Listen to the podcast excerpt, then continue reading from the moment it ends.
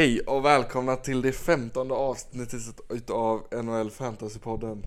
Det är första för året 2022. Vi är redo, vi är taggade för nytt år. Hur känner du Felix? Välkommen hit. Tack så mycket, det känns bra.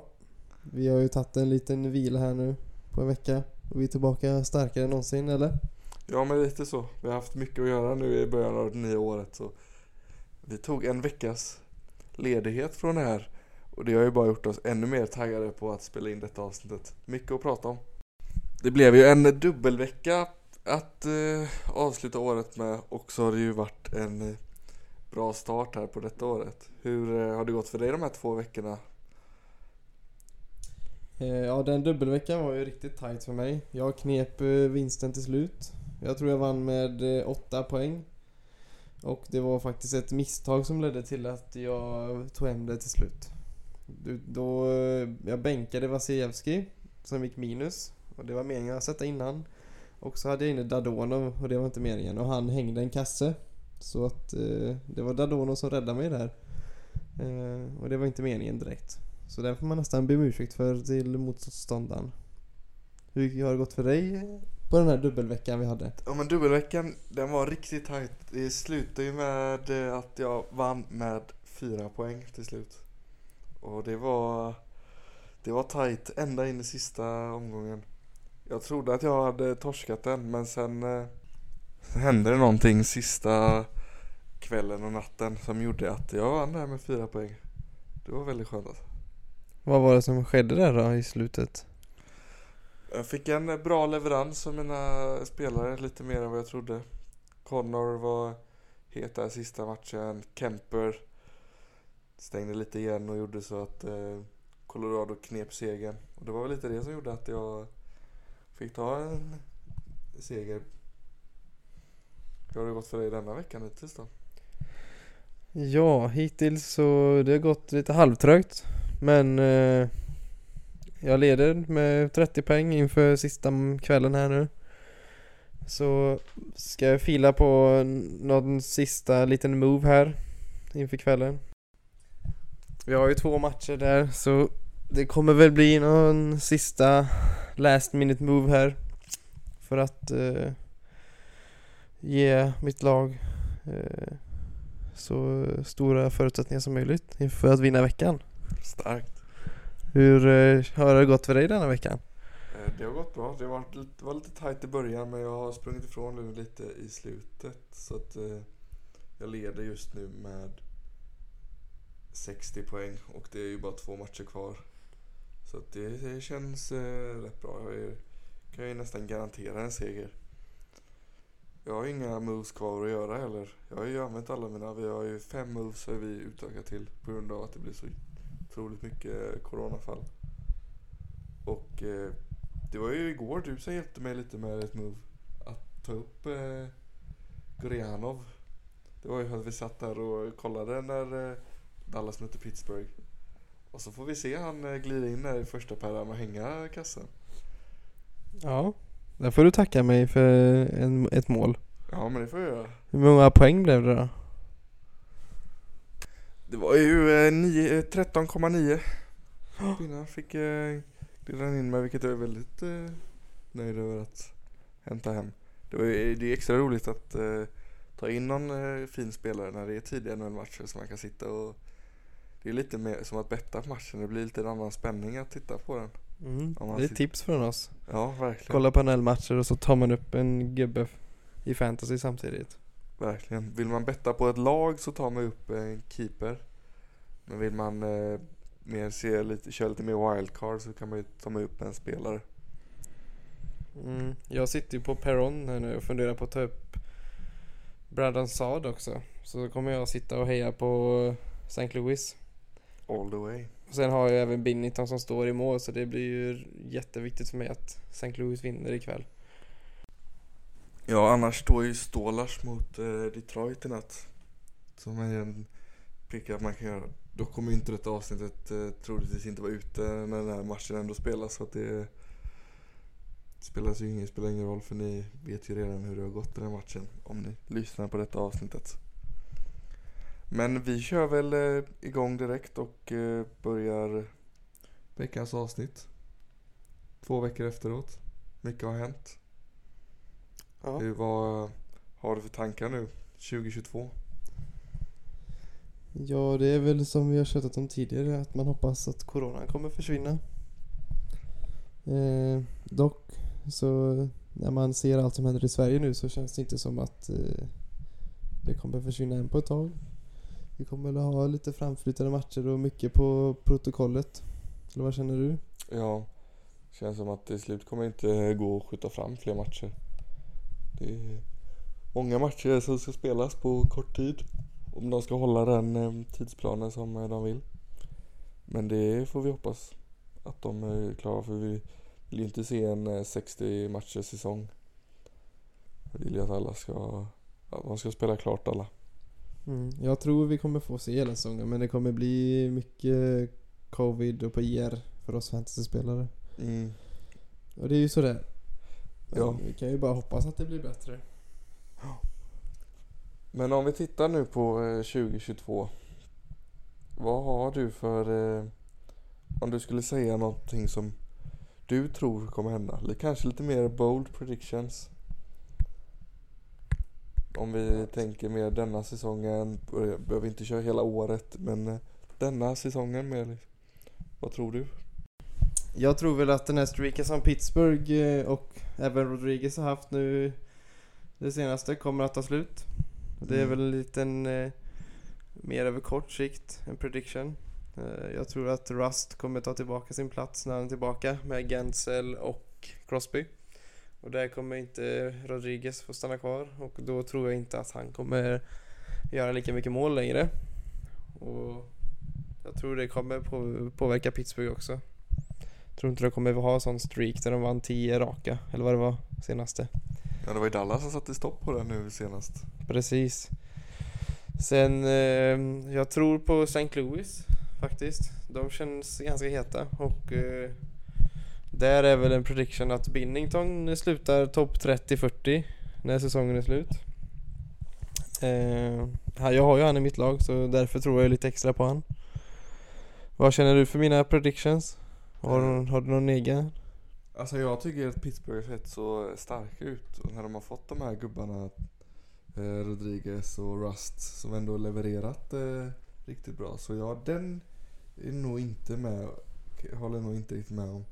Sen Binnington topp 40. Det är ju lite mer av din gubbe. Du har han lite högre. Ja, jag vet inte vad det är men jag har svårt för han. Tycker inte riktigt han. Jag tror inte riktigt på han. Jag tror mer i sådana fall topp 80. Men topp 40, ja. Det beror väl, ja, som du sa, beror på St. Louis. Mm. Har du någon egen prediction då som du har tänkt på? Jag tänkte lite nu innan vi skulle spela in och jag tror att en sak som jag, jag tror inte den är så bold utan jag tror den är rätt eh, självklar. Det är att eh, Kyle Connor kommer gå topp 15 i nästa års draft. Jag kan ändå se han eh, göra det steget. Jag tycker inte att han får den eh, eh, kärleken som han eh, vill ha. Eller ska ha. Han, eh, jag draftade han eh, 48 overall förra året. Fjärde rundan. Och jag tycker att han eh, ska komma, okej, topp 15, topp 20 i alla fall minst. För att vara li- lite på den mer säkra sidan. Okej, där håller ju inte jag med. Topp 15 tror jag verkligen inte. 20 kanske är... Han kommer ju gå topp 30 i alla fall. Han var väl 40 förra året och så kommer han ta några ytterligare steg till nästa års draft. Men eh, ja, man blir ju rätt påverkad också när man har spelarna i sitt egna lag. Ja men om vi tittar nu på våran draft bara. Och där har vi ju spelare som gick där runt 15 har vi ju Zibanejad. Där har jag Connor högre. Vi har eh, Point, så jag har Connor högre. Marchand har jag faktiskt Connor högre. Ovechkin har ju jobbat upp sig några steg. Så han kommer väl ändå sluta där runt 10 så han blir tagen i våran draft. För att han presterar riktigt bra i år samt att han blir ändå ett år äldre. Så jag tror ändå att han håller ungefär samma Rantanen. Ja, han har ju varit bra. Pastranak har jag Connor högre. Tycker inte han har varit eh, så bra i år, speciellt inte när Marchand och eh, Bergeron båda blir äldre. Så där inte, men jag skulle säga topp 15. Ja. Det kan ju också komma fler spelare nu i slutet på säsongen faktiskt som lyfter sig också. Det kan det faktiskt göra. Jag skulle säga att Marchand är stekhet faktiskt just nu. Och han var, slutade ju femma förra året. Så han har ju pikat väldigt sent i sin karriär så jag tror han har jag fortfarande över Connor faktiskt. Ja. Tyvärr. Ja, det är... Men han kommer ju Han kommer ju gå upp några rankingplaceringar till nästa år. Där är jag med dig faktiskt. Ja, men spelare som...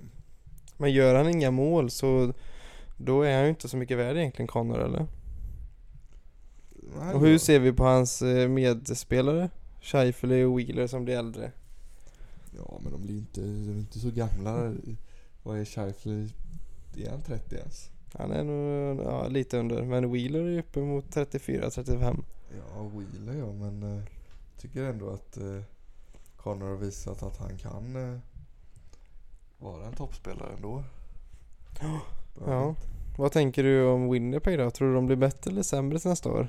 För det kommer ju ändå påverka Cal Connors fantasyvärde. Men jag tror de blir bättre. Bara en sidnot är att han spelar, har spelat mycket med Pierre-Luc Dubois. Som är ju en ung spelare som bara kommer bli bättre och bättre. Har ju fått lite av ett breakout denna säsongen. Eh, så jag tror att de eh, bättre. De har ändå rätt en del unga spelare. Som eh, har börjat eh, leverera. Scheifly är inte så gammal. De har ju några prospects i Cole Perferi som jag bara tycker blir bättre och bättre. Sen har de ju... Jag tycker att de har en ljus framtid, eh, Winnipeg. De kan bli ett eh, topplag. Mm, det håller jag med om faktiskt. De hade ju problem med backsidan förra året. Men den har de ju förbättrat tills i år. Eh, ganska markant. Med till exempel Schmidt och Brandon Dillon. Så de har faktiskt en ljus framtid, det har du rätt i. Även eh, Logan Stanley har ju kommit upp eh, en eh, draft pick från 2016 tror jag. Som Mm. har eh, börjat få speltid. En riktigt lång back. Jag tror han touchar eh, två meter. 1,90. Riktigt stark. En riktigt stor. Ja, Det är kul att eh, även Winnipegs prospect börjar komma upp. Vi har ju en Vesalainen som inte riktigt har tagit sin, eh, sin roll än va? Nej, det trodde man att han skulle leverera mer. Han spelar just nu en fjärde line för Winnipeg så han får ändå NHL-minuter nu. Och de har ju en av seriens bästa keeprar i Helleback. Som har varit, eh, ja, visst, han startar väl lite knackigt men han har ändå börjat eh, leverera. Han är väl topp 50 nu i alla fall. Ja, Backar. han sitter ju i mitt lag så jag har ju lite koll på han. Han eh, släpper in rätt mycket mål och så. Han vinner ju inte mest matcher i ligan men han får ju alltid så jädra mycket skott på sig så det, han ger ju mycket poäng. Eh, så det är ju Winnipeg ett hyfsat bra lag. Så det är ändå okej med vinster. Sen så får han ju, det är ofta de är uppe över 40 skott mot sig, Winnipeg. Eftersom att de inte har den starkaste backsidan. Men ändå en okej backsida då. Mm. Så ja, Winnipeg. Eh, jag har bra känsla för Winnipeg i alla fall. Och Connor. Dock inte topp 20 då, men eh, topp eh, 30 i alla fall. Inför nästa år. Winnipeg är ju NHLs minsta stad. Med eh, knappt eh, 700 000 invånare. På tal om ingenting. Men jag tänkte det bara det var roligt att eh, berätta det för er som undrar. Ja, nu vet ni det. Ja. Har du någon mer eh, kaxig prediction då? Inför eh, kanske nästa år eller något om slutet på denna säsong? Ja, men det gäller ju då Torontos målvakt Jack Campbell. Jag tror absolut inte han eh, håller. Han är ju rankad eh, 12 just nu. Och det ser jag inte som eh, hållbart. Ja, han har väl legat runt eh, topp 10 där hela året. Och ja, jag ser inte han som en riktig elitmålvakt. Nej, jag gör inte heller det riktigt. Han gick ju 102 overall i våran draft. Det är ju en av de stillesen eh, hittills men jag tror inte att han... eh, Jag tror inte han håller i längden. Nej, sen så är det ju... De har ju en, egentligen en första målvakt som andra målvakt i Mrazek ju. Så det är ju lätt att peta honom egentligen om det börjar gå ut för lite. Ja, de har en bra målvaktssituation i Toronto. Mm, bra konkurrens. Sen så har det gått bra för Toronto också. Då går det även bra för Campbell. Då får han ju sina vinster. Ja, men precis. Så ja, men det... Där är någon vi inte tror på. Så håller ni med oss så kanske man ska sälja högt nu. För man kan nog få riktigt bra värde eftersom att han har legat topp 10 hela året ungefär. Ja, du bör- bör ju få en topp 20-spelare i alla fall kan man ju nästan eh, räkna med. Mm. Vet han någon som, för målvakter är ju ofta eftertraktade. Högt. Skulle man kunna få en Kyle Connor kanske i Winnipeg? Eh, det skulle man nog kunna få. Jag skulle nog inte vilja ta Campbell för Connor. Men man skulle... eh, Det är nog... Det är kanske bara jag. Jag vet inte. Men... Eller en John Tavares kanske? Har du någon mer prediction för året? Jag tror jag känner mig ganska färdig, färdig där. Jag har fått säga lite vad jag tycker och tror om eh, kommande säsong och eh, slutet på denna säsongen. Har du något mer? Hur högt kommer Chris Kreider gå i draften? Han gick för oss 157 detta året och är nu rankad som sjua och har legat rätt stabilt där uppe. Han har ju gjort 21 mål, 11 assist. Ja, Vart tror du att han hamnar? Jag har lite tufft, lite svårt för han faktiskt. Mm. Han ser inte jättetrevlig ut på isen så han är ju jäkligt bra på skridskorna. Men jag ser inte han som en playmaker eller målgörare egentligen. Jag, tycker jag, jag tror vi har diskuterat han tidigare va? Kanske vi har gjort. Kommer faktiskt inte ihåg. Mm. Men jag ser väl han eh, kanske kommer in topp 100 i alla fall efter en säsong som denna. Men inte bättre än 70. I alla fall inte i min bok. Så han kommer väl ligga där mellan 75 till 105 kanske. Inför nästa års ranking då. Vad tänker du kring Chris Kreider? Ja, han har ju redan slått eh, sitt, eh, gjort fler poäng han gjorde förra året. Han gjorde 30 poäng på 50 matcher förra året. Och har ju innan dess legat på en personbästa på 53 poäng på 75 matcher. Så att han, om han, att han skulle vara någon point per game-spelare som han nästan är i år vet jag inte om han har statistiken i grund tidigare säsonger att han skulle fortsätta detta och göra det även nästa år. Så ja, men han är lite svår. Det är också hur högt liksom en säsong. Hur mycket kan man egentligen eh, öka i ranking? Eller tappa om man säger. Hur högt kan man egentligen eh, gå? Sant. Man kanske kan eh, sno han i nästa års draft då. Plocka han 80 någonting. Få en topp eh, 15 spelare. Men så länge Zibanejad och Kako eh, håller uppe den pacen de har nu. Då drar de ju med Kreider också. I den vevan, i deras line. Ja, och det verkar ju som att eh, Kako börjat eh, komma igång lite nu. Har gjort eh, ja, 13 mål, eller poäng hittills. Det är inte fantastiskt men eh, han har ändå börjat levela upp lite. Fem poäng på sina tio senaste matcher. Ja, och det... Jag vet inte om det är ju, kan ju vara Kreider och eh, Zibanejad som har lyft han också. Det är ju en väldigt bra line han får spela i egentligen. De får nog mycket offensiva zonstarter och så vidare och kanske spela med Fox på en back som levererar mackor. Ja, man vä- jag väntar bara på att eh, Lafreniere ska dra igång lite. Min gubbe. Han har gjort 11 poäng hittills. Så han ligger ju runt eh, Kakko. Men jag tycker Kakko har sett eh, betydligt starkare ut. Eller bättre liksom. Som att man tror lite mer på han känns det som. Mm, jag har lite svårt för Lafreniere. Tycker inte det händer så mycket kring han egentligen. Nej, jag tycker inte jag har haft han högt ända sedan han blev draftad. Jag tycker att han har verkligen varit en supertalang. Men han har inte riktigt fått det att lyfta i, sen han kom till NHL. Det kan ju vara mycket att han kommer in i corona. Det, är, ja, typ, det finns alla möjliga ursäkter att komma med. Men jag, jag draftade ju han år. Jag trodde ju att han skulle vara, kunna bli en eh, 60-70 spelare. Alltså poäng. I år. Och det ser han inte ut att bli. Det kan jag nästan garantera att han inte kommer att göra. Nej, det går tufft för han. Men det är också konkurrens där när han kommer in samtidigt som Kako eller lite efter. Och de är ju ändå ett ungt lag med många prospect som ska få chansen. De känns ju lite som att de är en liknande speltyper.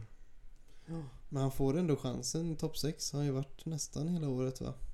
Ja, han spelar ju med Strome och Goodrow i en eh, andra line just nu medans eh, Panarin är borta. Mm. Han har ändå fått spela med Panarin tidigare Mm. om jag inte minns fel. Så det borde ju komma eh, någon gång. Kanske kommer nästa år. Får se om någon eh, tar chansningen och tar han lite efter 100 eller om det blir man blir se- sent i draften eller inte alls.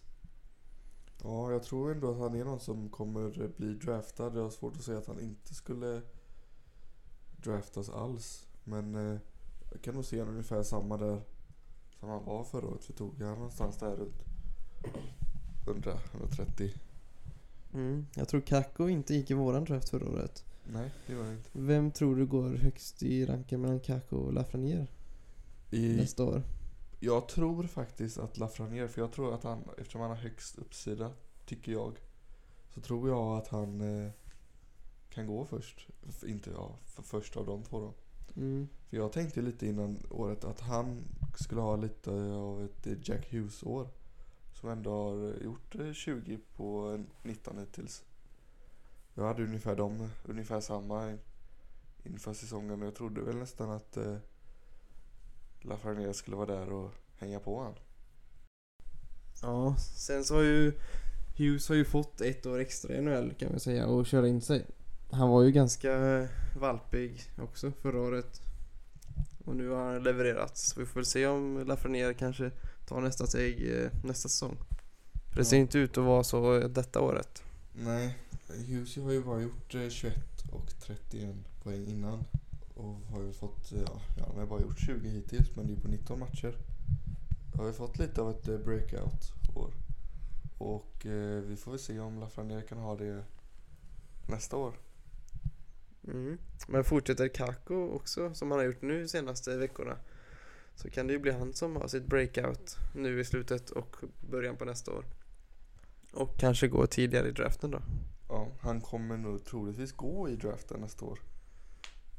Ja, det gör han nog faktiskt. Jag har svårt att se att man, om man fortsätter så här och Rangers eh, blir mer och mer ett topplag för varje vecka känns det som. Så eh, tror jag att han i alla fall går i draften. Någon eh, chansar nog på en ytterforward i trettonde rundan. Med hög uppsida i topp 6-roll i ett bra lag.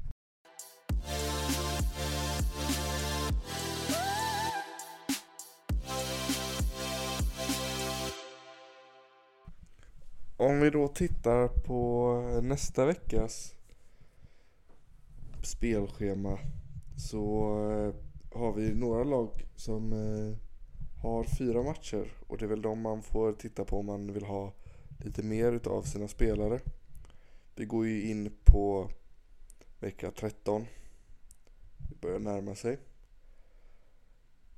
Och där är några lag som har eh, fyra matcher har vi Boston som har Capitals, Montreal, Philadelphia och Nashville. Det är ju inte de eh, starkaste lagen de möter. De har ju ändå chans mot de eh, flesta där. Bra chans.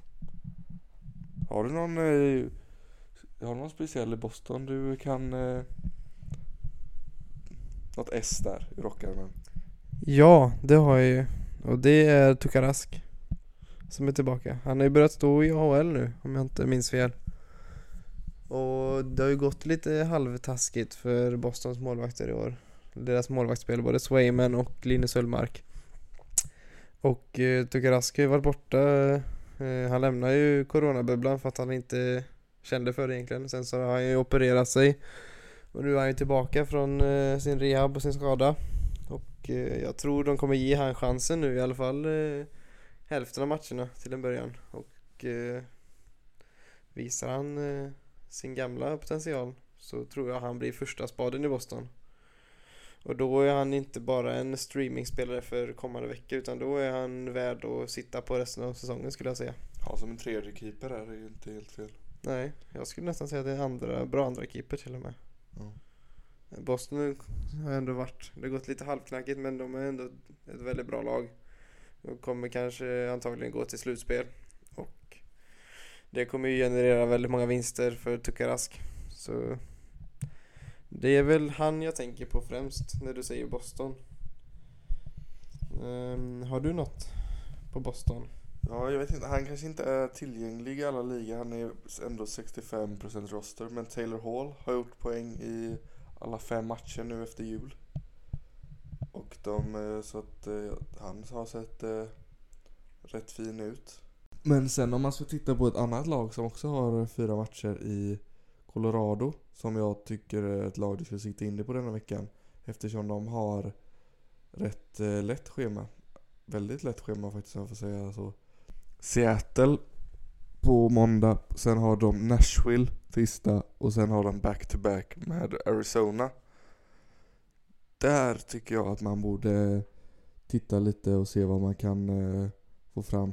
För att eh, det är ju fyra rätt bra matcher. Carolina är ju lite tuffare med, eh, men Seattle och eh, Arizona två gånger om. Det låter ju rätt eh, attraktivt faktiskt att eh, hitta någon där för att ha hela veckan. Och det, Ja, han du? Burakovsky är alltid intressant. Han är ganska hög eh, procent roster nu. 68 tror jag. Så han kanske inte är värd att nämna egentligen. Vad har du något? Någon annan?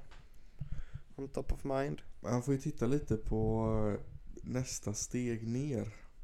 Mm. Tredje line då? Topp 9-spelarna? Ja, men vi har ju i andra line med Burakovsky och Kadri har vi Logan och Connor. Som man kan titta på. Sen har vi ju JT Comfer. Som eh, har i andra PP med eh, Newhook. Också en eh, ung spelare. Som man kan eh, titta på backar. Sam Gerard, alltid intressant. Devon Taves. Om de är tillgängliga. Sen kan man ju också titta vad kommer de ha för eh, målvakter. Kemper tror jag inte spelar eh, tre eller fyra matcher. Jag tror att han eh, kan nog hålla sig till två. Kanske vilar han Seattle, spelar Carolina. Och sen spelar en av back-to-back med Arizona. Så då Pavel Franzus. Alltid Mm. intressant. Han hade ju en, en bra match. Han tog ju en vinst igår. Den åttonde. Mm. Så ja, står han i match så är det ju givet att man plockar upp han. Om man har plats för han då. Ja. Sen... Eh, det finns många intressanta i eh, Colorado faktiskt.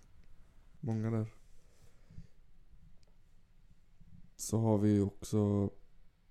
Om man ska titta på topplag som spelar fyra matcher har vi Tampa.